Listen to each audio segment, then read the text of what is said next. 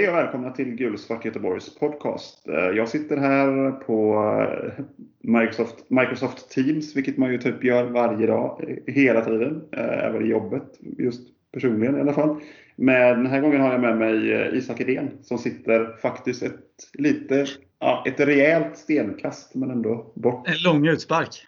Ja, precis. En, en lång utspark, eh, en jättebra. På andra sidan en pulkabacke kan man väl säga. Eh, sitter Isak Rehn i ett snöigt Göteborg och eh, vi tänkte att vi skulle köra en liten försäsongspodd. Eh, för det var länge sedan vi poddade och eh, det har ju hänt en hel del. Först och främst så kan man väl säga att eh, IF Elfsborg har en eh, silly season som pågår som än så länge har lett till att eh, fyra spelare egentligen eh, ja, fem egentligen då, eh, ut och två in i princip, skulle man kunna säga. De som har gått ut är ju, du får nästan hjälpa mig här, men Rami Kaip till Heerenveen. För ja. Cirkus 5 eh, miljoner va? Ja, någonstans runt 5 miljoner och så lite klausuler på det kanske. Eh, sen hade vi ju även, eh, yes, fortsätter du Isak?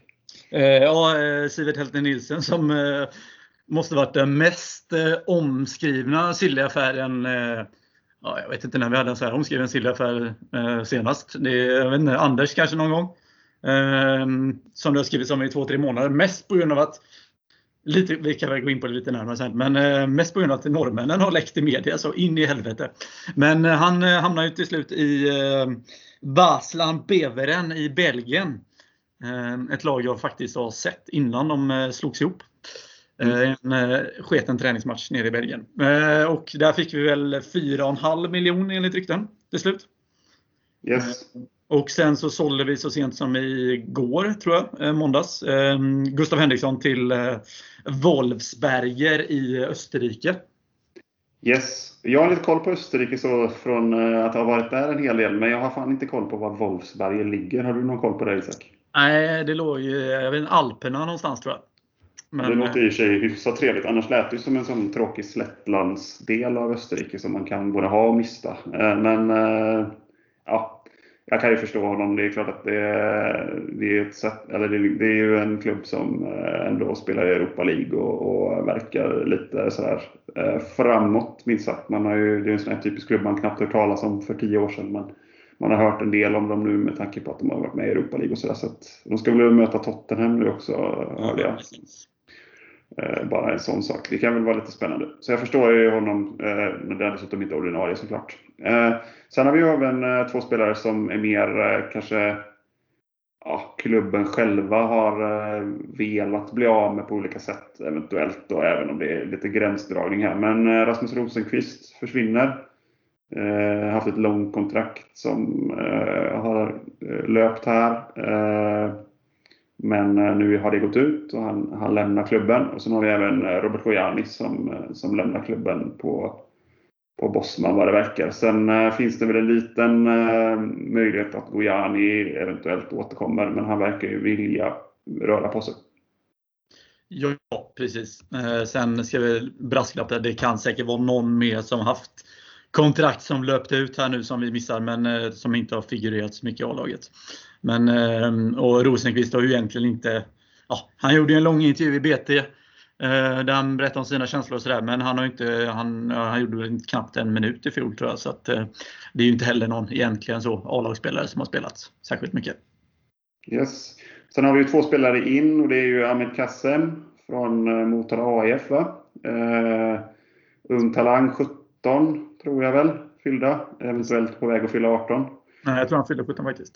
Yes, så ung talang. Verkar ju varit viss dragkamp runt honom. Jag vet att det fanns en eh, artikel ute på GT bland annat där det stod lite om att här, spelet bakom värvningen och sådär. Jag vet inte om jag tyckte det var så mycket spel, men det var väl ändå eh, kul att läsa lite behind the scenes ändå, vad som hade hänt där. Det verkar som att vi har uppvaktat honom ganska länge och att det spelade ganska stor roll att han hade en relation med vår nya andra tränare, assisterande tränare också. Christer Persson var det Precis, som eh, då vart huvudtränare i Motala helt enkelt. Yes. en spelare som har varit eh, intressant för flera klubbar, bland annat våran eh, evige transferkonkurrent kan man väl säga, IFK Göteborg. Eh, just när det gäller unga spelare så har det ju varit väldigt ofta de har valt mellan oss och Blåvitt. Och ibland har de valt Blåvitt, men oftast har de faktiskt valt oss. Så att det känns väl ganska bra. Precis. Sen har vi också eh, i dagarna här klart, gjort klart med André Römer från Randos Randers eh, i Danmark på Jylland någonstans som alla andra danska klubbar ligger. En klubb som vi också har mött i Europa League som alla andra danska klubbar på Jylland. Men jag vet inte om jag har några egentligen man har hört lite grann om Römer att han är en ganska flexibel spelare, kan spela på lite olika positioner men framförallt är han väl defensiv mittfältare. Som jag förstår det. Har du någon mer insight på honom eh, Isak? Eh, nej, det skulle jag ljuga om jag påstod. Men det man läst eh, verkar ju... det är ju en ja, renodlad defensiv mittfält. Han kan väl spela mittback och sådär också. Högerback har han väl gjort. Eh, men han verkar ju ha lite bättre passningsfot än Sivert Nilsen eh, av det man förstått i alla fall. Eh, sen kanske han inte riktigt har samma typ av ledaregenskaper som eh, Sivert eh, ändå bidrog med. Så det är väl en eh, rak ersättare men med lite andra karaktärsdrag. Och, ja, om man nu får ta förhoppningar så känns det som att han kanske kan utveckla vårt spel mer och att vi har alltså, ska man säga, täckt Siverts eh, ledaregenskaper som vi absolut verkligen behövde när han kom in med andra spelare, med framförallt kanske Johan Larsson men också ja, med Simon Strand och Per Frick som ändå, de har vi ändå fått in attityden i hela truppen och då kanske vi inte riktigt lika mycket behov av de ledaregenskaperna längre. Alltså det är klart att vi hade behövt, alltså vi ville ju inte tappa Sivert, så är det ju.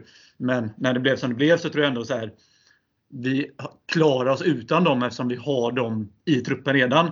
Och kan vi då få en bättre passningsspelare på defensiv mittfält som kan hitta upp till mer ytor och kanske kan släppa loss en annan innermittfältare till att bli ännu mer offensiv och så vidare. och Så vidare så känns det som att det kan utveckla vårt spel lite om man eh, ska se det positivt och ha förhoppningar. Sen får vi väl se om André Römer kan täcka upp eh, Sivert Heltner Nilsens ja. Eh, enastående shithousery här. Eh, för att han är det, det en riktigt jobbig jävel att möta. Vi har ju en del andra sådana spelare som du på, påpekar Isak, men, men Sivert var lite, lite tupp i den hönsgården också faktiskt när det gäller just ja. det där. Uh, så att vi får se. Vi får väl ha, se hur, hur spelarna och truppen lyckas stå upp mot, mot uh, andra duktiga sådana spelare som exempelvis Sebastian Larsson som eh, också ligger i en klass för sig när det gäller sånt där. Eh, vilket vi ju märkte i sista matchen för säsongen där. Ja, den jävla krisen alltså. Ja. ja jävlar vad sur jag blev på det där alltså. Ja. Det var länge sedan jag var så sur på någonting under en fotbollsmatch som när Sebastian Larsson sparkade in bollen alltså. Nej, det var ja, otroligt provocerande. Enig. enig. Han är, det är en fruktansvärt provocerande spelare. Eh, som man antagligen hade... Jag vet inte fan om jag ens hade tyckt om honom om han hade spelat i Elfsborg faktiskt. Men eh, jag vet inte. Ja, jag gjorde ju en tweet om det, Sebastian Larsson. Det, var, det blev ett jävla liv Camilla. Ja. Han eh, berör, kan vi, om man nu ska använda Stockholmsuttryck. Absolut. Eh, men om vi, om vi ja, nyförvärven, vi har väl inte jättemycket, vi har inte jättemycket liksom bild av egentligen hur de är. Eh, Römer verkar ju vara en ordinarie spelare, liksom Anders och har, har ändå spelat mycket och viss rutin. Inte så ung, inte så gammal heller. Kanske bra ålder, ålder att få in i, i en trupp som är ganska egentligen kan man väl säga, men det är att det finns några lite mer rutinerade spelare. Jag tycker det känns ändå som att balansen i truppen är ganska bra.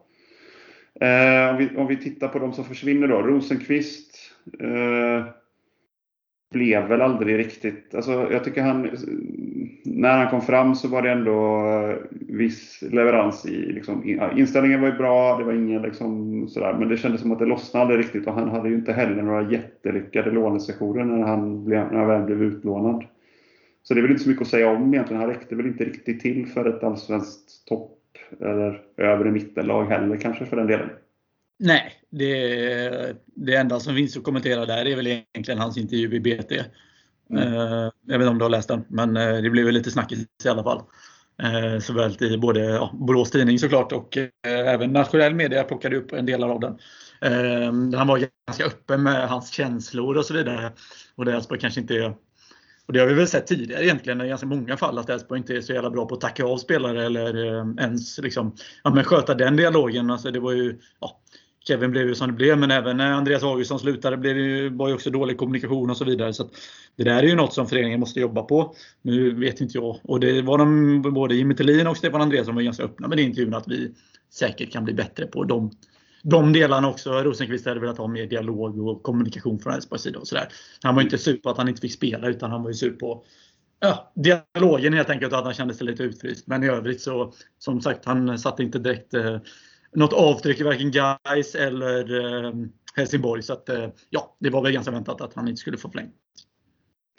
Yes. Eh, sen har vi Gojani då som liten en stora tycker jag ändå. Det är en spelare som vi värvade med ganska, det var ju liksom ändå en, pres, en ja, kanske inte prestigevärvning, men det var ju ändå en, en liksom, det skulle ju vara en stabil allsvensk spelare med ändå, blev uttagen till januari-turnén och sen så köpte vi honom ungefär. Eh, så det var ju ganska, det var ändå en ganska högprofilerad värvning när han kom. Eh, var väl inte alls lyckad egentligen första halvåret. Sen har det blivit bättre och bättre tycker jag. Även om konkurrensen nu i år var ganska tuff så han fick inte spela jättemycket. Men det var ändå, jag tycker han var ändå ganska bra när han spelade. Eh, vad säger du där Isak? Hade, vi pratade väl lite om det i senaste podden om vi ville förlänga eller inte med honom. Eh, jag var väl lite inne på att jag gärna hade gjort det eh, om det hade varit möjligt. Men eh, vad tycker du? Ja, nej men eh, som sagt vi diskuterade senast och som du säger, jag, jag har väl aldrig varit någon riktigt så stor Gojanis, så här, tyckt att han var, varit jättebra. Eh, han hade ju den här katastrofala Häckenmatchen på Hisingen och efter det så tyckte jag han tappade helt självförtroende där ett tag. Men eh, under hösten här så var han faktiskt riktigt bra. Och nu, nu får vi, verkar det som att vi ja, får behålla Simon Olsson, det vet vi inte, men antagligen. Eh, men nu när Sivet lämnar och sådär så tycker jag ändå att det finns en poäng i att förlänga med Gojani ändå. För han kan spelsystemet, han kan klubben, han, han, är, han, alltså, han är ju fortfarande en bra allsvensk spelare. Det är väl att man har haft lite kanske väl höga förhoppningar att han ska bli någonting annat. Eh, sen tycker väl jag att vi, som jag var inne på med Römer, att han kanske kan utveckla spelet. Så kanske just att Gojani lämnar kanske öppnar upp en lucka för att få in någon med lite mer offensiva kvaliteter eller mer löpstarka kvaliteter. För det har ju verkligen Gojani. Holst eller ja, Römer har jag ingen aning om. Men Sivert hade ju inte heller det rent alltså offensivt. Så är vårt centrala mittfält gör ju inga poäng. Förutom möjligtvis Simonsson då. Så där kanske man hade velat ha en annan spelartyp. Men som det är nu så eh, jag skulle absolut inte, eh, jag skulle absolut välkomna en förlängning av Gojani. Ja, jag känner också just för att han, han är ändå ganska bra på att avlasta Simon ur ett kreativt perspektiv. För jag tycker ändå att Gojani är klart mer kreativ än våra andra innermittfältare förutom Simon. Då. Eh, att det finns liksom ändå en poäng att ha en spelare lite längre ner i banan som också kan slå lite mer öppnande passningar. Eh, Sivert försökte ibland men var inte riktigt på det. Det var inte riktigt hans spets även om han var ganska bra på att transportera boll framåt och även, även hitta hyfsade öppningar passningsmässigt eftersom vi hade väldigt, väldigt eh, ja, löpvilliga yttrar framförallt. Eh, eller ja, vad man nu kallar dem, de är väl inte riktigt yttrar i vårt system. Men eh, det känns lite som att det kanske saknas. Men det är som sagt, vi vet inte riktigt hur Römer, Römer har sin spets där. Så det är en, skulle, och skulle Römer ha den kvaliteten så är vi mer behov av en kanske box-to-box mittfältare. Mm. Mm, så sett. Men sagt, ingen av oss vet ju hur Römer är. Så att, ja. Men eh, jag blir nog inte förvånad om Gojani spelar Elfsborg 2021. Nej, det skulle jag nog inte heller bli. Sen är det klart att eh, free, free transfer nu gör ju att eh, det kan ju finnas några klubbar som är intresserade av att ta en chansning på det. Kanske i Danmark eller, eller liknande. De lite mindre liga. Vad sa du? De får inte värva längre. Nej, just det. Det är väl igår då ja. Precis. Ja, det har du rätt i. Fönstret är ju stängt där. Det är väl Östeuropa kanske då någonstans möjligen. Eller annars är det ju, ja det är sant, annars är det ju faktiskt skandinaviska ligorna. Det är väl Norge och Sverige som är öppet fortfarande och sen är det ju Gulfen va? Ja, och Kina är öppet ett tag till men det känns inte som att Guyana hamnar där. Nej. Nej, men då, det, det finns ju en chans. Det är svårt att se att han skulle gå till någon annan klubb heller kanske. Så, jag vet inte riktigt. Det, det beror ju på hur relationen ser ut. Alltså, spelar Guyana i Allsvenskan 2021 så spelar han i Elfsborg. Yes. Ja, jag skulle säga att jag står nog upp för att jag tycker att det vore bra där att förlänga med honom faktiskt. Eh, jag tycker det är en stabil spelare ändå. Eh, yes, eh, kassen. Har vi någonting att säga där rent? Nej, men det, det, det man kan säga är väl att vi, det, ju, det känns ju som en Ondrejka-värvning egentligen att vi har blivit väldigt duktiga på att snappa upp eh, liksom, ja, men, talanger i division 1, superettan. Eh, att som är hypade och som gör avtryck redan i tidig, ja, men tidig ålder, 17 bast. spela ordinarie i Motala i division 1. Eh, Ondrejka var i division 1. Eh, också ordinarie i Landskrona gör ifrån sig och som är eftertraktade runt om eh, i hela Europa och framförallt i Sverige. Och där vi visar att vi är ett alltså, självklart alternativ. Eh, definitivt, ja, men självklart alternativ och egentligen nästan ja, men, alltså, bland de som har högst dragningskraft i hela Västeuropa. Det är klart att talanger, eller alltså ja, Västsverige ska sägas. Det är klart att talanger från. Ja, det var lite mycket med Västeuropa kanske, men ja. ja. Västsverige och syd, alltså så här, det är klart att talanger från BP väljer Stockholmsklubbarna kanske, men i övrigt så alltså, jag menar KSM nobbar Blåvitt till exempel som Björn Mer Eh, det säger ju ändå någonting om att vi just nu är klart för IFK Göteborg i attraktionskraft för ungdomar i den här kategorin. Och det ska ju klubben ha en jävla fjäder i hatten för. Eh, sen vet man ju aldrig hur bra den här killen kommer bli, eller Ondrejka för den delen. Men eh, jag tycker vi är helt rätt som, eh, som värvar de här typen av spelare. Ja, som billig peng och kan slå igenom och säljas dyrt eller utvecklas och gör det bra i A-laget. Så att, helt rätt att vi fortsätter på denna typen av värvningar och vi har uppenbarligen en attraktionskraft bland spelarna som gör att vi kan attrahera dem. Yes, Nej, men det är kul. Det känns ju, det känns ju väldigt spännande det man hör. Eh, sen är det klart att det är en helt annan nivå såklart, men det är ändå, eh, ändå häftigt. Det ska bli häftigt att se. Eh, sen har vi en spelare som vi, som vi väl mer funderar lite på. Eh, både vad han vill och vad klubben vill och sådär. Och det är väl Dennis Hymmet som är tillbaka från lån från Örebro. Hatayaspor va? Eh, var han på väg till. Eller Hayataspor. Jag är lite dålig på turkiska, eh, ut, både uttal och klubba. Men någonting åt det hållet. En, jag tror de låg femma eller sexa i ligan. Eh, ganska bra till med andra ord. Eh, men en klubb man kanske inte har hört talas om jättemycket. Som erbjöd honom kontrakt och en övergångssumma också in till klubben som jag förstod det. Men nobbades. Sen var det väl även en annan klubb om det var Ankaraspor eller något liknande tror jag. Det nämndes en till, turkisk klubb i alla fall. Som också då hade nobbats av hymmet. Och det man undrar är lite, ett, vad gör vi? Alltså, vad gör hymmet i Elfsborg 2021? Och vad, vad tycker klubben egentligen om detta? Och vad ska vi, hur ska vi hantera det på ett snyggt sätt? För jag tänker att det är trots allt så att man kan ju förstå en fotbollsspelare som 2021 under en pandemi inte är så jättesugen på att gå till Turkiet. Eh, samtidigt som man också kan förstå att en fotbollsspelare som då inte väljer att gå till Turkiet och är under kontrakt såklart måste agera professionellt, vilket väl inte riktigt har känts som Eh, det är i alla fall inte det som har kommit ut från eh, hymmet sedan han kom tillbaka. Han har inte varit med speciellt mycket. Han är inte med på träningsmatchen. Han har väl inte tränat så mycket med laget heller vad jag förstår. Eller vad säger du Isak? Har du bättre insyn än jag där? Nej, alltså han, var inte, han missade väl första veckan i alla fall på grund av att han var ja, jag vet inte, förkylningssymptom. Ehm, och sådär. Han det är ju helt fine såklart. Det ska man inte... Ja. Ja. Eh, sen om det stämde vet inte jag, men eh, det, det var det som kommunicerades själva, så det får man anta då. Liksom. Mm.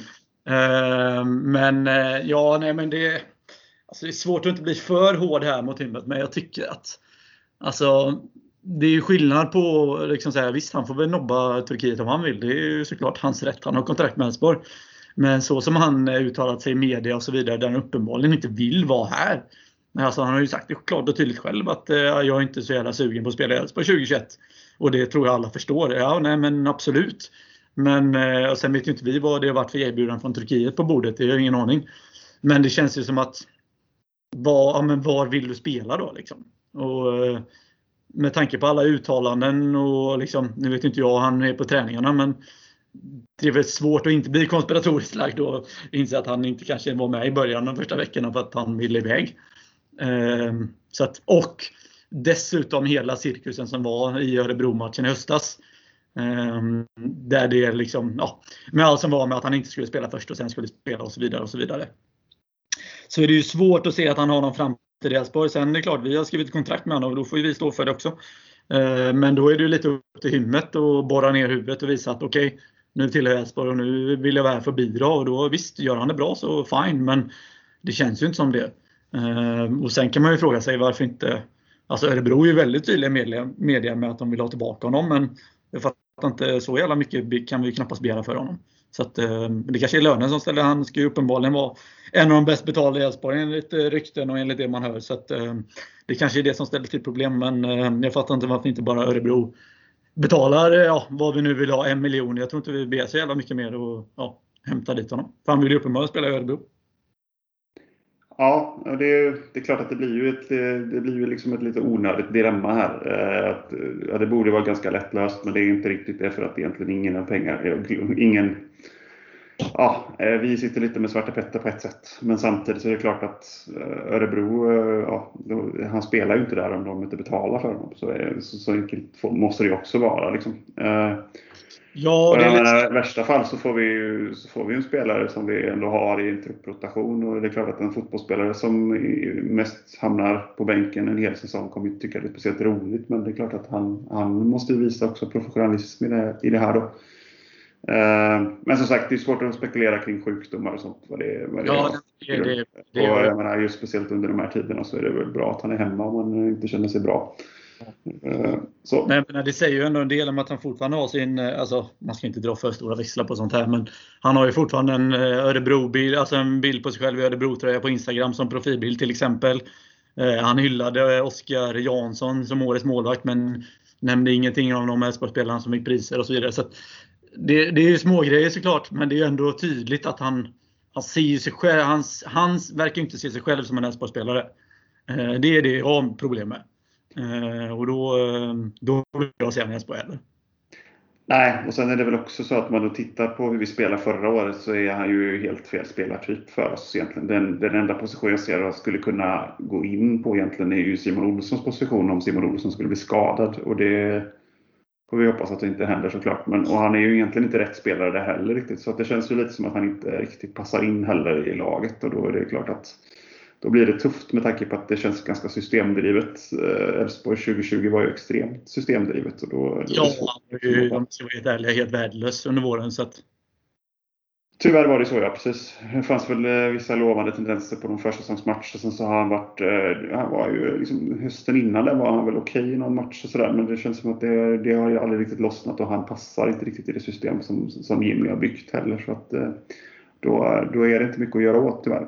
Eh. Och sen eh, något som fortfarande skaver hos mig som supporter när han eh, i somras där la upp eh, när det var ett jävla skriveri om turkiska landslaget och hyllningar till Erdogan och så vidare när de gjorde den här militärhälsningen eller vad det nu var de gjorde för hälsning som kunde direkt kopplas till eh, stöd för Erdogan så gjorde ju Hymmet likadant på sin Instagram. Så att det är ju något som eh, skaver otroligt mycket hos mig. Eh, det vill inte jag se hos någon, någon spelare som representerar Elfsborg, att någon hyllar Erdogan på sin egen Instagram.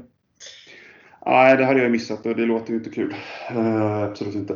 Uh, ja, uh, tråkig historia. Jag hoppas att det blir en bra lösning både för Dennis och för oss då, på något sätt. Hur det nu ska gå till vet vi inte riktigt, men vi får se. Den som lever får se helt enkelt. Så hoppas väl kanske att en norsk klubb eller en dansk klubb, eller dansk går inte då, men en norsk klubb eller någonting hoppar in och ger oss några miljoner och, och så kan vi skiljas som eh, till hälften vänner i alla fall. Ja, och sen eh. ska man säga så här, alltså jag har sett en del kommentarer på Twitter och sådär att ja, men vi ska inte släppa till konkurrenter och sådär. Men fan, Örebro är ju ingen konkurrent till oss 20. Alltså, det, alltså, så här, jag har absolut inga problem att släppa en spelare till Örebro.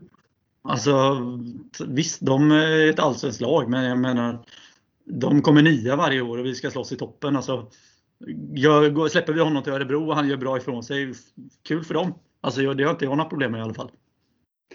Nej, men jag kan tycka att det liksom ändå är rimligt. Men det, är en, det, är en, det är en offensiv spelare som presterade lite för dem. Då får de väl ändå hosta upp några miljoner. Ja. Så det känns, ju, det känns ju rimligt däremot, tycker jag. Men jag håller med dig. Så det är liksom, jag har inga problem med egentligen att sälja spelare till andra allsvenska lag. Det är ju, det är ju det är ju någonting som nu egentligen alltid måste vara någonstans del av planen också att göra. Eh, så att jag tycker inte det är, det är konstigt. Det är värre att sälja en spelare för 5 eh, mille till Malmö liksom, eh, kan jag känna. I det här läget. Eller sådär. Jag tycker det här är ju mer ett steg neråt i hierarkin ändå. Sen så ska vi kanske inte underskatta Örebro så att vi, vi var ju en säsong sen vi var nere och var en, två poäng, tre poäng före dem. Vi ska fan beskatta Örebro. Ja, okej. Okay. Ja, man, man, man vill ju gärna göra det, men eh, ja, vi, vi får se. Eh, apropå lagbygge generellt, vi har ju också några lärlingar som har kommit upp eh, och fått kontrakt. Eh, de som utbytte, vi spelade, ut, vi spelade för övrigt en träningsmatch mot, mot Häcken som eh, väldigt antagligen få har missat. Eh, vinst 3-0. Jag såg matchen lite med ena ögat men ändå. Eh, det var väl egentligen så att Häcken började bäst och så blev vi lite, lite, lite bättre under hela matchen. Eh, vilket gjorde att vi i slut hade en, en viss edge. Sen blev det väl eh, ja, 3-0 kanske inte riktigt speglar matchen utan det kändes väl kanske som en 1-0, 2-0 match. Kanske till och med 2-1, 3-1 sådär. Men successivt lite bättre. Häcken blev väl också eh, spretigare och spretigare ju fler spelare de bytte in och ut. Men det gjorde ju å andra sidan vi också. Så att, svårbedömt men samtidigt de, eh, den som jag tycker ändå utmärkte sig mest var väl egentligen Oliver Sandén på eh, vänsterbacken. Absolut. Eh, det var även en av, eh, det var bara han och McWay tror jag som spelade 90 minuter. Och McWay tyckte också, han har kommit bort lite i bevakningen just för att Sandén gjorde sin debut och sådär.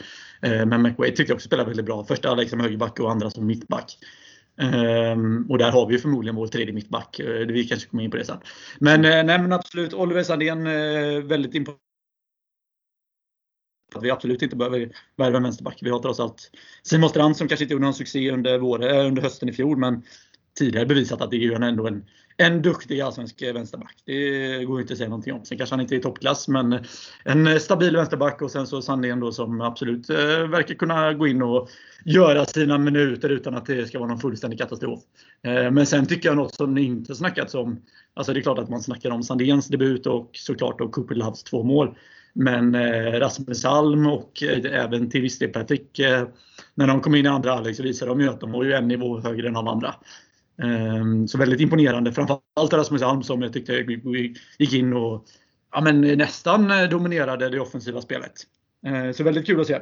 Han tror jag mycket på under, under årets säsong. Jag tror att han kan ta ytterligare ett kliv från ändå en väldigt hög nivå förra året. Ehm, och sen tyckte jag även eh, både Okumo och Johan Larsson visade visade glimtar och stunder att eh, det är ju två riktiga klasspelare. Alltså. Ja, verkligen. Ja, men jag håller med Alm där. Alltså, det är verkligen en spelare som skapar lägen hela tiden. Liksom. Sen, eh, man kan vara lite frustrerad ibland att han kommer och, och avsluten inte är helt hundra. Men äh, jädrar vad han löper, in, löper rent ytor och ser till så att det blir spelbar hela tiden. Liksom. Och trumma, trumma på med, med löpningarna och helt oförtrutet hela tiden. Det gjorde han även förra året. Så det, det blir häftigt att se honom. Eh, han, eh, med lite mer eh, skärpa i avsluten så skulle han ju lätt kunna göra gjort 10 mål för redan förra året. För så mycket lägen hade han. Så att, det skulle bli intressant att se om han kan bibehålla och skapa lägena och kanske också sätta dit lite fler. Så det är jäkligt intressant spelare. Jag tror att Rasmus Alm vinner interna på skytteligan i år. Ja, jag går nog inte emot i den betten. Men det är väl, ja, det, jag sätter väl på Frick ändå. Då. Uh, så jag, jag, tar väl, jag tar Frick då, så, så har du fått din gubbe så får jag min. Uh, men, det är egentligen Ahlgrens gubbe, Rasmus Alm, men uh, jag adopterar honom som min gubbe också. Yes. Nej, det, är riktigt, det är en riktigt fin fotbollsspelare, definitivt. Eh, men om vi nu tittar liksom lite på lärlingar som upp. Noah Söderberg gick väl in också, lite svårt att bedöma med tanke på att det var väldigt fladdrigt eh, i båda lagen egentligen i slutet av matchen. Men, men som sagt, jag håller med dig att de här två spelarna stack ut, eller tre spelarna stack ut väldigt mycket. Men vilken lag, är det någonting som vi känner att vad behöver vi förstärka om vi ska lägga krutet på en spelare, två spelare? Vad, vad, ska, vi, vad ska vi göra då? Nej, men det är klart att nu när vi har sålt eh, Gustav Henriksson Ehm, alltså vi har Okumo Väsinen som är ja, allsvenskans bästa mittbackspar tycker jag väl man kan säga. Ehm, ja, möjligtvis Malmö, jag vet inte. Men eh, det beror på honom för både Ahmed Otsic. Ehm, där eh, Väsinen går på kryckor men han lär ju vara tillbaka i, till premiären. Men båda, alltså båda två kommer ju försvinna förr eller senare, förmodligen redan i sommar. Så att, eh, och just nu så har vi väl ja, McWay då som egentligen är högerback men där, där har vi ju fem stycken högerbackar. Så att, eh, Ehm, så att han lär väl vara mittbacksreserv och det är klart att där kanske man gärna ser en värvning då som kan gå in och framförallt ta över när Okuma eller Väsinen säljs. Ehm, Okuma har vi ju nobbat bud på 30 miljoner så att där, där finns det ju uppenbarligen intresse. Och Leo Väsinen är jag ganska övertygad om lämnar också. Ja, har vi tur så får vi behålla han hela säsongen annars går han nog också i sommar. Um, så det är väl en mittback. Eh, inget, alltså jag ser inte att vi har ett akut alltså är panikvärva någonting för att jag tycker att McWay är en bra allsvensk spelare och kan gå in och göra sitt jobb. Precis som Gustav Henriksson gjorde i början innan han faktiskt blev jävligt bra och var alldeles för bra för att vara ja, tredje mittback. Mm. Eh, och det är väl även därför Gustav Henriksson lämnar ska vi säga. Eh, så mittback, men sen tycker jag också att någon som inte imponerar, alltså, eh, det är, vi behöver, ja, jag har svårt att se att vi ska kunna gå in i en säsong med Per Frick som ensam anfallare. Mm. Sen vet man, alltså jag ser ju inte träningar, eller det är ju ingen som får göra heller nu. Så att jag vet ju inte hur Marocki, en Dion, är på träningen, om han har tagit ett kliv under vintern eller om han gör det under försäsongen. Men som det såg ut i fjol så, eh, ja, där är vi ju ändå behov av en spelare till. Ja, jag funderar på egentligen som, som andra forward just nu är frågan om inte Ockels nästan går före Marocki. Eh, på grund av att han ändå har, eh, han är väldigt, en väldigt naturlig avslutare och eh, Visst, inte samma typ som Frick, men han, eh, han löper mycket, han orkar löpa mycket, han har ganska bra intensitet. Och jag tror att han skulle kunna vara lite småful också om man ville. Eh, och vi har ju också ganska bra täckning på yttrarna om man också betänker att eh, vi har en Ondrejka som sitter och väntar och, som faktiskt tycker jag förtjänar en del chanser också. Så, eh, och Alm är ju gjuten. Så att det är liksom, det är väl egentligen där jag håller med dig där att det är, det är lite svårt för man vill ju gärna att Marocki ska liksom komma in i det men det har inte riktigt hänt. Och det är svårt också att värva en backup som är tillräckligt bra för att det ska kännas som att han verkligen, verkligen slår ut Marocki men samtidigt är okej okay med att sitta, bakom, sitta på kvisten bakom Frick eh, väldigt mycket. För att Frick går ju ändå först. Liksom. Ja, så är det ju. Samtidigt som eh, Per Frick har ett år kvar på kontraktet och det kommer ju massa, eller en del artiklar där om att han har ju också väldigt stort intresse efter sig. Nu tror inte jag han lämnar i år, men det blir väl också så här, vad, vad vill Frick om ett år? Vill han testa på ett utlandsäventyr som Ja, det är ju lite som med många spelare, men det är klart man undrar Per Frick att få ett utlandsäventyr ja, i Korea eller var han nu hamnar. Men eh, helst vill man ju se dem, se han på livstidskontrakt. Men jag tror, jag tror så här under våren så tror jag vi klarar oss såvida inte Per Frick går sönder. För att vi spelar trots allt bara nio matcher plus kanske en kvartsfinal och semifinal i cupen. Och en final. Så det är, inte, det är inte jättemycket matcher under våren. Men sen efter sommaren, alltså efter EM-uppehållet, så blir det ju väldigt, väldigt mycket tätare matcher. Plus att vi då ska ut i Europa och då, alltså Per Frick kommer inte kunna spela 90 minuter varje match. Eh, så då, och sen som sagt beroende på vad som händer med hans kontrakt. Så att då kanske det blir mer läge att se över vad behöver vi hitta en förstaanfallare? Alltså behöver vi hitta en ersättare till Per Frick? Eller behöver vi hitta någon som kan gå in och avlasta och göra sina minuter. Kanske till och med kan spela på kanten vid behov även om vi har en jävla massa yttrar. Eh, någon med potential eller vad det nu kan vara. Eh, för jag ser ju helst att vi lånar ut Marocki. Eh, om nu inte ledarstaben gör bedömningen att Marocki har tagit det här klivet som vi alla hoppas och gärna vill. Eh, och har han gjort det så då är det ju kanon. Liksom. Men ja, vi såg ju inte det förra året i alla fall. Nej, vi gjorde inte tyvärr det. Och det var ju det som kändes när han väl lånades ut till ÖIS. Så tycker jag att jag, jag tittade på någon match och det, det, såg väl ut som att det var liksom viss potential där. Men det blev väldigt oförlöst till slut och det var liksom ingen riktig Ja, det känns inte som att han var 100% påkopplad heller riktigt. Och sådär. Och det, det, måste man ju tyvärr om man, om man blir utlånad till Superettan och man, om man ska slå sig in i ett topplag i Allsvenskan sen. Så, alltså, du måste nog prestera mer än vad, det, vad han gjorde där. Ja, och det är lite... liksom, den utlåningen, alltså det, det där alltså med att liksom träna hos Elfsborg och sen spela ÖIS varannan vecka. Alltså det, det måste ju också vara jättesvårt. Liksom. Ja, det, det där, jag vet inte, det, det var säkert någon bra deal, eh, på, men jag vet, nej, det där tror jag inte. Utan ska han låna sig ut så får det vara på riktigt, liksom, att han tillhör den klubben och liksom, tränar varje vecka. Annars funkar det inte. Nej, precis. Det är väldigt lätt att man blir bortvald om det inte känns som att det finns någon potential att vara kvar ett mer, mer än det här halvåret ändå. Och så där. Alltså det, det är väl, visst, det kan väl vara en klubb som, som eventuellt känner att de vill bygga en relation med en spelare så, så att de sen kan ta över kontraktet när det är liksom dags. Och så där, Den typen av lån kan man ju kanske få ut någonting av. Eh, men då är det ju mest den klubben som lånar in som har, eh, har en USP eller liksom något eh, positivt med det. Så för våran skull så vet jag inte riktigt vad man skulle låna ut honom till. Det skulle vara en klubb man har en bra relation med, man kan ha en dialog och man kan liksom hålla uppe. Och då tror jag att den ska träna med det laget såklart och göra det fullt ut och kännas som att det, det är där han är hemma i alla fall det halvåret. Liksom. Men eh, ja, det, det, är lite tufft också för det måste vara på viss nivå men det kan samtidigt inte vara en klubb som eh, kan få för sig att satsa på egen talang exempelvis istället. Utan det måste ju vara en, spelare, eh, en klubb där han kan få speltid samtidigt som det är på en nivå där, eh, där han kan utvecklas. Så det, det, det är en svår balansgång. För han har ju faktiskt inte visat tillräckligt mycket i ÖIS för att det ska vara så här naturligt att han ska kunna gå och bli ut på någonting, superettan-klubb och, och verkligen bli liksom deras första anfallare. Det, det är inte så, så lätt är det inte. Liksom. Nej, men jag tror just ÖIS är annars en ganska, ganska tacksam eh, destination. Dels för att han ändå, han var ju ändå där i höstas och nu blev det ju som det blev. Men det var alldeles mycket fram och tillbaka. Men där, där, de hade ju Adam, Adam Bergmark Wiberg, heter han tror jag. Eh, lån från Djurgården som inte är kvar till exempel. Nu vet jag inte, de kanske har värvat någonting. De värvar någon från Lindom och sådär. Men det finns ändå en öppen plats och en relation sedan tidigare. Så ja, ja eh, bara så här rent spontant så skulle ju ett, ja men verkligen så här. Du spelar i ÖIS ett helt år om inget jättekonstigt händer.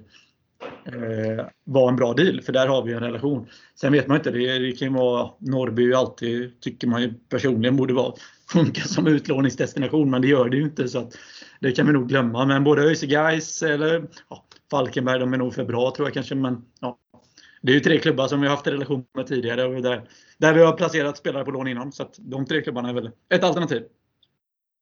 Yes. Uh, vi... På tal om anfallare, alltså vi såg ju hur, alltså spela per fick så är det lugnt. Men vi såg på Blåvitt i fjol att går man in med en anfallare och han går sönder. Mm. Då kan det gå riktigt illa. Uh, och, ja, så att därför, där är man ju lite orolig ändå att om inte ja, men sagt, nu gjorde Kupilov också två mål i debuten så att han kan kanske ta den platsen också. Så att, ja. Där, eh, som, utom, som en supporter som inte kollar på träningar så är man ändå lite, lite orolig över anfallsplatsen. Just också eftersom Per Fick ändå är lite skadebenägen. Ja, och det är som sagt det är en lurig position att ta in en backup som är tillräckligt bra samtidigt okej okay att sitta på bänk. Och det, det är väl det. Så det ska vara en person som ändå kan tänka sig gå in och konkurrera och känna att äh, fan, jag kan vara bättre än Per, Brick, än per Frick om ett halvår. Eh, och det är inte helt lätt. Eh, men vi får se. Eh, men mittback och eh, anfallare kändes väl ändå som att eh, jag håller med dig om att det är väl egentligen de positionerna som är lite, lite tunnare. Jag var ju lite orolig över vänsterbacken för jag tycker att Rami var så pass mycket bättre än, än Simon förra året.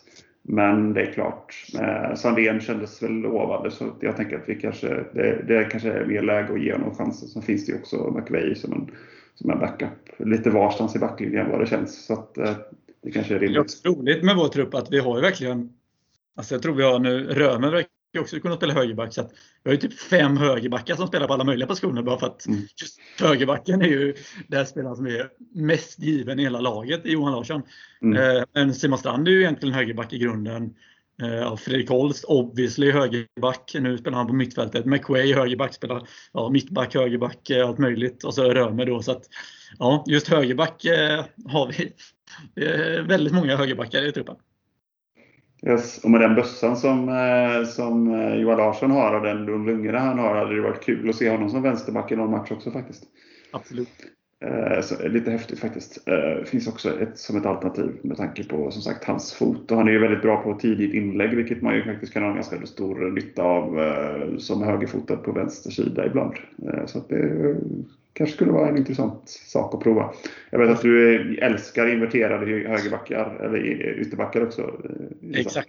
Ja, det är mm. min eh, favoritposition tror jag. Eh, yes. Nej, jag tror på tal om alltså det här med, ja, men, du är inne på att vi tappar Cabe och Henriksson då.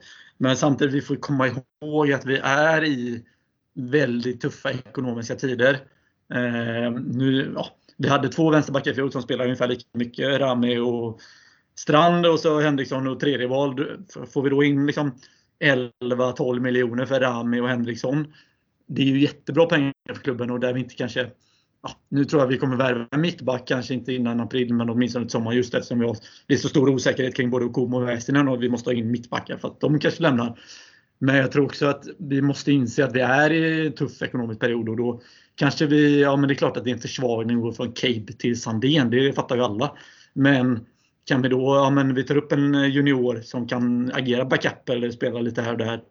Ja men då, då sparar vi in de pengarna och kanske kan då ja, ta in någon annan spelare. Men jag tror att vi behöver sänka lönekostnaderna och det gör vi ju genom att sälja Henriksson. Okej, nu sitter inte de på särskilt höga löner. Och sen ersätta dem med lärlingar. Det är ju samma med, eller nyuppflyttade juniorer. Och det är ju samma på innermittfältet när både Söderberg och eh, Kevin Holmén eh, då kanske tar Gojanis eh, plats till exempel. Eh, om nu inte han förlänger. Men jag tror vi måste inse att vi kommer inte kunna, alltså vi har inte så jävla bra ekonomi trots allt. Det är klart att den är stabil och inte katastrof. Men vi har, det är väldigt tuffa tider och jag tror att de säger 12 miljoner då som vi får för Cabo och Henriksson initialt går rakt in till att täcka bara ett svart hål. Mm. Eh, däremot använder vi pengarna då från Sivert till att värva in Römer. Så vi har ju pengar om vi behöver men eh, jag tror vi måste inse att vi kommer inte kunna värva etablerade ersättare till alla spelare som vi tappar.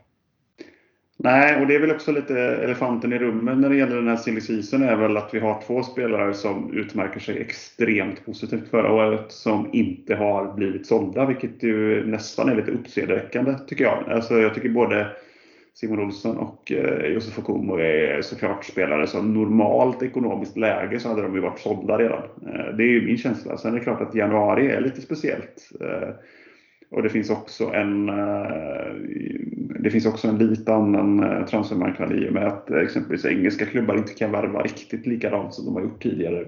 Eh, och sådär. Även om de fortfarande sitter på mycket kapital. Men det är lite nya regler kring Brexit och sådär. Som ju klart, det stoppar ju vissa av de här flyttkedjorna som är vanliga under, under januari som kan ibland sätta igång massa sidoeffekter. Men hur fan kan de inte vara sålda, någon av de där två? Ja, framförallt så tycker jag det är konstigt med Simon Olsson. För Okuma har vi uppenbarligen ändå fått in bud eller intresse på. Och där är det väl vi själva som tycker att det är lite för lågt. Men jag menar, fan 30 mil för en mittback, det är ju unheard of höll jag på att säga. Men det, ju, det skulle ju vara ja, vår största försäljning efter Emir Bayrami och kanske då ja, på Jesper Karlsson nivå. Så att, där har vi ju själva uppenbarligen sagt nej. Men Simon Olsson har ju varit knäpptyst kring. Det har inte varit mm. ett enda rykte egentligen. Vilket jag tycker är, ja, som jag håller med, det är jättekonstigt. Eh, men samtidigt så här, ja, det verkar som att vi då kanske kan få en förlängning istället. Och om jag ska vara helt ärlig så är det fan så mycket roligare att förlänga. Ja, ja absolut. Det är jag med på. Så, eh, så det är väl bara positivt. Men det är klart att det är konstigt. Eh, samtidigt som jag tycker att Alltså, vi var inne på England. Det värvas mycket mindre i England och värvas mycket mindre i Europa och sådär. Men uppenbarligen så har ändå Allsvenskan lyckats behålla någon form av intresse ute i Europa för att vi ser ändå en del försäljningar. Alltså Jeppe gick för 30 mil ungefär. Och, eh, nu gick Paulus Abraham till Groningen och Hedenfin värvar Kib för 5 miljoner. Det verkar ändå finnas lite en annan marknad. För svenska klubbar, eh, där andra, alltså europeiska klubbar, återigen vänder blicken i för att de kanske har mindre plånboken men ändå verkar attraheras av priserna i Skandinavien. Eh, jag vet att eh, Daniel Kristoffersson sa idag i sin podd eh, Disco Noa att Kroningen dessutom hade varit ute efter Jakob Modrejka. Så det verkar finnas lite alltså här, ja, den typen av värvningar också som vi kanske inte har sett innan. Så att, det verkar ändå finnas intresse för just svenska klubbar men det är klart att pandemin har påverkat alla klubbar i hela Europa. Jag tänker att en spelare som Ondrejka är ju, liksom, det är ju en chansning, men det blir ju väldigt liten chansning med tanke på att de vet att de kan få en sån spelare relativt billigt. Liksom, sett till att om, ska du ha en 17-åring, 18-årig holländare på ungefär samma nivå så blir det ju mycket dyrare såklart. Eh, och ja, du kan ju också ha fördelen om du värvar en riktigt ung spelare att de blir homegrown-spelare om man då tänker sig att man ska spela Europaspel och sånt framöver. Så, så eh, jag tror väl också att de flesta ligor har harmoniserat sina regler med homegrown-regeln så att du behöver i truppen ha ett, en viss mängd spelare som är fostrade i egna landet och sådär. Så, så eh, det är klart att det finns sådana aspekter. Om man värvar en riktigt ung spelare så får man större möjligheter registrera dem till eh, Europaspel och sånt där. Eh, så att om man har spelat fotboll manager så har man koll på de grejerna lite. Nej, det har inte, har inte jag gjort på länge. Men eh, det, det, är fortfarande lite så det funkar. Så att eh, det här med homegrown status och eh, väldigt unga spelare som plötsligt går för väldigt mycket pengar. Det tror jag inte vi har sett det sista av. Och vi har ju dessutom många av de länderna som Sverige just nu säljer en hel del spelare till. Det har ju varit en del Belgien, det har varit Holland, det har varit ja, delvis Danmark i en del av de klubbarna som, som satsar ganska ungt. Eh, men det har varit de, den typen av marknader som man, där man är sugen på att vara ett mellansteg för att liksom få en spelare att dubbla i värde och så sälja dem eh, en och en halv säsong senare. Det är ganska många spelare som har gått till den typen av klubbar och den typen av ligor på sistone. Och det är klart att då blir det en sån lite jakt på den bästa 17-åringen i Sverige. Liksom bland de holländska klubbarna, vilket låter konstigt på ett sätt. Men det, det är väl egentligen logiskt sett hur fotbollsekonomin börjar fungera. Liksom. Ja, och även om man tar Rami Cape till Hedenfen så kanske så här innan då Hedenfen kanske har kollat på en helt annan hylla för vänsterbackar för ja, 20, nu kanske inte de värvar så mycket men ja, med mer ordinarie spelare ute. Men nu kanske de inte riktigt har de pengarna eller finns tillgängligt och då kanske man kollar lite mer mot Skandinavien igen för att där har holländska klubbar tidigare fyndat. Eh, så att, det är väl, och sen eh, har vi ändå så här, ja, men Wolfsberger då som Henriksson gick till. Det är ju ingen klubb man känner till men de har lite pengar. Lech Poznan och har pengar. Ryska klubbar har pengar som är, och ändå kollar mot Skandinavien för där vet man att det finns eh, ja, men kvalitet för rimliga summor. Så att jag tror vi får vänja oss vid det. Och det tycker jag väl att Elfsborg, vi var inne på det senaste podd, att vi kanske inte säljer till konstiga klubbar för massa pengar men vi säljer till ganska harmoniska klubbar. Alltså, det är bara att ta Gustav Henriksson till Wolfsberger. Jag har inte någon stenkoll på dem, men det känns ju ändå som en klubb som är en välskött klubb som betalar sina löner och så vidare. Jag såg att eh, till exempel Ahmed Yassin som gick till ja, någon klubb i Turkiet tror jag det var. Eh, sa efter en vecka att eh, ja, vad fan, nu verkar inte lönerna komma här och jag spelar inte gratis. Och där, där har inte våra spelare hamnat. Liksom. Så att, Ehm, det ska vi alltså ha rädd för, att vi säljer spelare till eh, bra klubbar för spelarna också, som kan ta nästa kliv och förhoppningsvis generera ytterligare pengar i vidareförsäljningsklausuler. Ja, och det är också så här, levnadsstandarden i, i, i Österrike och Holland kontra Turkiet. Det är klart att alltså, är du svinrik i Turkiet så kanske du mår jättebra. Eh, så kan det ju vara, men det är ju inget jättesamhälle att bo i i övrigt. Liksom. Eh, så är det ju faktiskt. Alltså det är ju en aspekt som, eh, som många fotbollsspelare har fullständigt skitit i. Men det är klart att i de här tiderna när det också är, liksom, det är osäkert i Sverige också med, med, med covid och, och, ekonomisk kris möjliga runt hörnet. Eh, eller det är ju redan lite ekonomisk kris. och eh, man vet inte riktigt vart världen är på väg lite och det är klart att det hamnar i Turkiet då, det är kanske inte är så himla spexigt. Eh, och när lönerna inte kommer och, och så, så försvinner ju liksom poängen att gå dit också. Så att, eh, då kanske det är bättre med Österrike som ett stabilt land ändå. Jag menar, det, det, där, det, jag tror risken att inte få sin lön i Österrike är nog eh, väldigt låg. Ja, den, den existerar inte höll jag på att säga, men den är låg.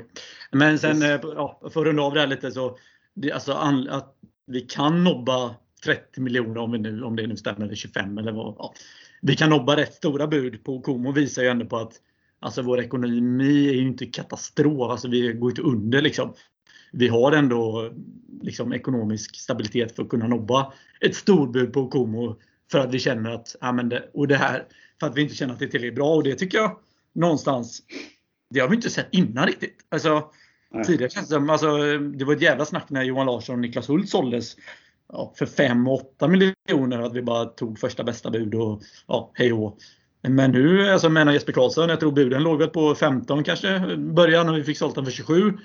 Ehm, och Sivert Helden Nilsen ehm, nobbade vi också brand för att de inte betalade det vi ville ha. Så att, Mm, jag vet inte, det känns som att Stefan Andreasson har eh, tuffat till sig rejält i förhandlingarna sista, ja, sista året. Och det är ju positivt det som vi än så länge har tjänat på det. Ja, jag vet, vi hade ju haft det lite som käpphäst här under, eller jag har haft det i alla fall lite som käpphäst nu under, under året, att det är problemet liksom. Det var ju framförallt förra året när vi lånade in lite spelare och sådär, vi hade ju ett problem med truppen har presterat väldigt, väldigt dåligt. Vi hade en del spännande spelare, vi hade ganska många unga spelare som var på väg upp, som, som är kvalitet på med tanke på att de har presterat bra på ungdomsnivå och sånt där. Det, vi har ju en ungdomsverksamhet som har levererat bra spelare de senaste åren, upplevt att vi presterade så jäkla dåligt sportsligt. Så att, det är klart det är inget bra skyltfönster att komma och spela i en klubb som kommer eh, nia, tia. Eh, och ja, jag är på den nivån Örebro är, men då, då säljer man inte spelare för mycket pengar om de inte är exceptionellt bra.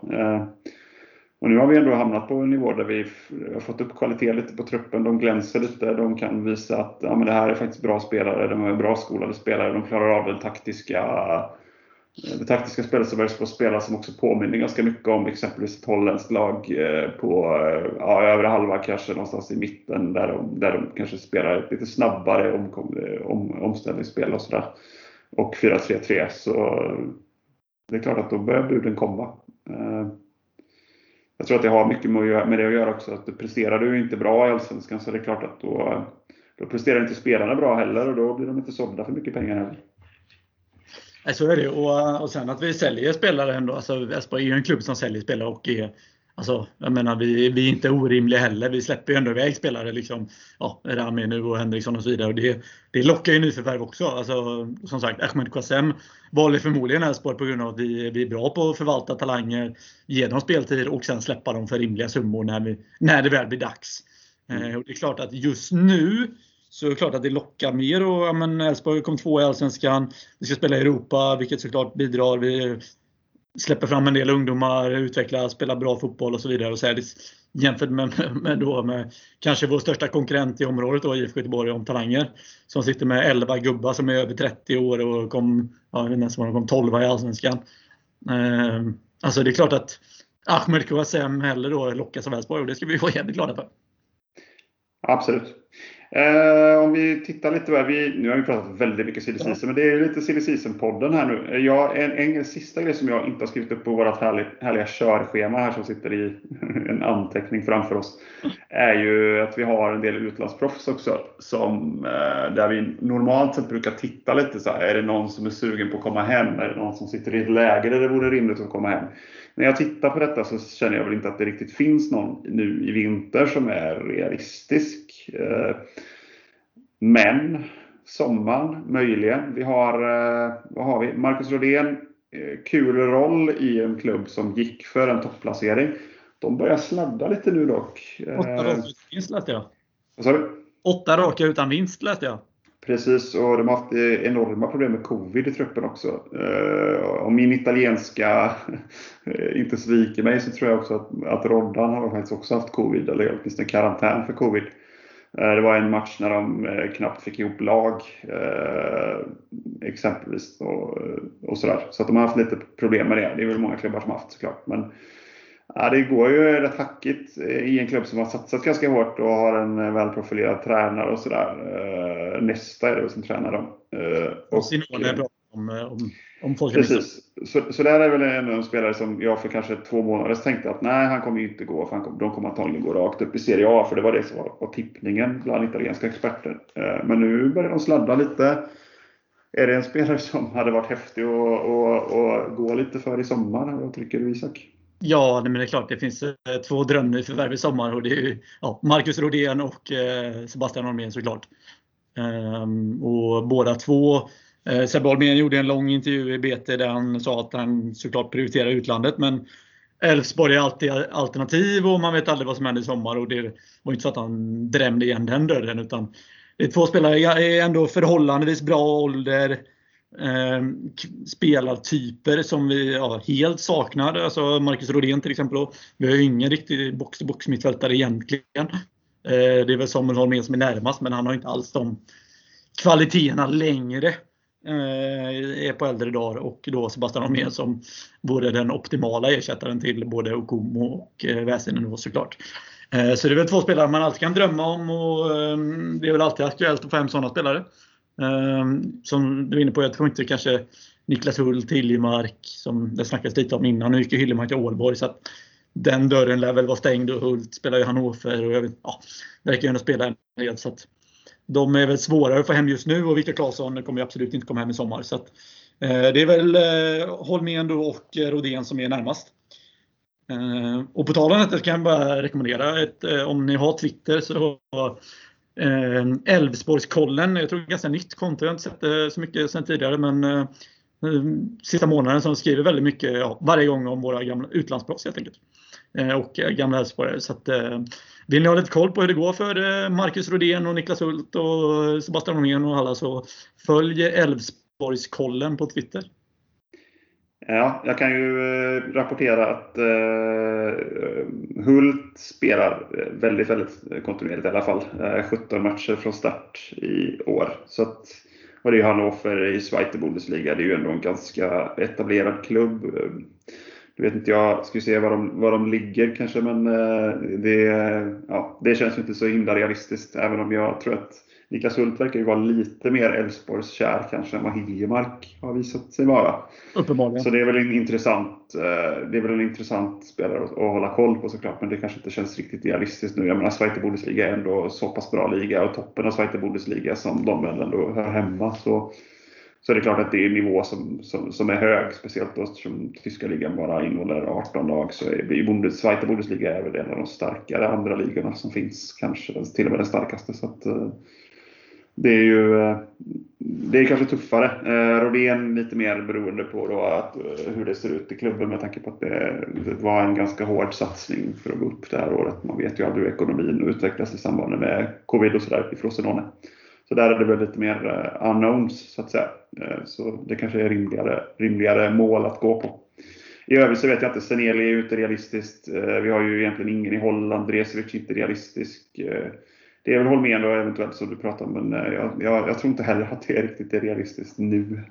Det är nog mer... De, alltså man får komma ihåg, de här spelarna är ju också, så de är ju runt 28 hela högen höll på att säga, men 28 till 30, de har ju ändå, man fattar om de vill stanna ute något år. De är ju inte 35 än. Liksom. Eh, så att, det är väl rimligt om de vill ha ett, något mer kontrakt utomlands för att tjäna lite pengar. Absolut. Det gäller väl mer att hålla en bra relation med dem en, en period till så får man försöka eh, jobba hem dem där de är 32-33 kanske istället. Det hade väl varit eh, en bra, en bra målsättning kanske. Yes. Ja, vi, det är sådär intressant med försäsongsmatcher och sådär. Men vi kan väl i alla fall nämna att vi har nästa försäsongsmatch är nu på fredag. Uh, när den här podden kommer ut är det väl två dagar dit. Uh, och sen har vi, eller en och en halv dag dit kanske. Sen har vi Degerfors i kuppen den 22 eh, januari. Jag tror att det är en träningsmatch emellan där också, men jag är inte helt säker på det. AIK borta, tror jag. Ja. På Skyttan då kanske? Förmodligen. Ja. Eh, låter som en bra, låter som en bra plan. Jag tror AIK blir ganska tuff, eller blir ganska bra i år. Eh, har lite på känn att de blir tunga igen. Men eh, man vet aldrig. Men jag tror att de eh, det är ju inget guldlag liksom, men de, jag tror de blir jobbigare att tas med i år än vad de var förra året. Men eh, det är intressant. Degerfors, kuppen hemma, 22 första tävlingsmatchen. Vad tror vi där? Svårt att säga, men det är klart att vi har en ganska lätt cupgrupp tycker jag väl ändå. Det är väl Degerfors, Utsikten, Utsikten och ja, något mer lag. Eh, Falkenberg eller? Mm. Ja, Falkenberg är det nog. Eh, samtidigt känns det kuppen, alltså kuppen är kuppen och det är en titel och sådär. Men nu när vi har det Europaspel också så känns det ju, äh, vet inte, kuppen utan publik i år. Känns ganska ointressant måste jag säga. Alltså. Ja, jag håller med faktiskt. Jag satt liksom och funderade på det under våren. Var, man var ju svinsur just för att vi förlorade mot Blåvitt i det läget vi förlorade mot. Men samtidigt, vad fan. Det, det är klart att det hade varit bra att ta, ta Europaspelet förra året, så det är klart att då var man väl lite mer peppad. Men jag håller med dig. Det nu när vi har en Europaplats så är det verkligen skitsamma. Ja, när man inte får vara på plats så är det ju... Sen är det klart, om vi, det är klart vi ska vinna den här gruppen och gå vidare. Och sen är man väl i kvartsfinal så börjar det bli, då är det ju en kvartsfinal. Då är det ju alltid mer intressant. Liksom. Men just de här tre gruppspelet känns ju... Äh, det känns, just nu känns det ganska kallt i alla fall. Ja, det gör ju det. Sen kommer man vara aspepp när matcherna väl kommer så blir man ja. ändå lite pepp. Men eh, jag håller med. Det, det känns eh, kallare än på länge på något sätt. Eh, så är det. Men eh, ska vi ta och avsluta där Isak? Eller jag tänker att vi får köra någon podd eh, kanske i slutet av februari eller om vi kör tidigare. Det beror lite på vad som händer här känner jag. Om vi får, eh, vem vet, det kanske smäller till och blir en eh, 45 miljoners deal på Como eller något liknande. Då är det realistiskt att vi, att vi faktiskt drar, drar fram mikrofonerna igen. Men sen ja, jag tror inte vi kommer köra några mängder försäsongspoddar, men vi kommer köra någon till i alla fall, eller kanske två eh, minst. Så, så vet ni det. Eh, och vi kommer försöka podda på under säsong också, så får vi se lite hur det, hur det blir med restriktioner och publik eller inte publik och eh, vad som händer med EM och uppehållet och alla sådana saker. Det är fortfarande ganska mycket saker som är osäkra. Men eh, ta hand om er och eh, jag hoppas att alla mår bra där hemma. Och så har du några sista ord eh, Isak? Eh, nej, det var kul att ändå podda och känna att säsongen ändå börjar närma sig och att det är lite snack om Elfsborg igen. Det är ändå alltid roligt. Så hoppas vi att vi snart får ses på läktaren också. Och det gör vi verkligen. jag passa på och ändå gratulera Emelie Hultin som ny ordförande i Guldganerna efter, ja, efter mig egentligen. Det var en, en interim-ordförande ett tag också. Men eh, kul med Guldganernas första kvinnliga ordförande och jag tror det kommer bli alldeles kanon. Det är jag också övertygad om att det kommer bli, så grattis Emelie! Bli medlem! Eh, ja, bli medlem! Ha det fint! Hej då! Hej!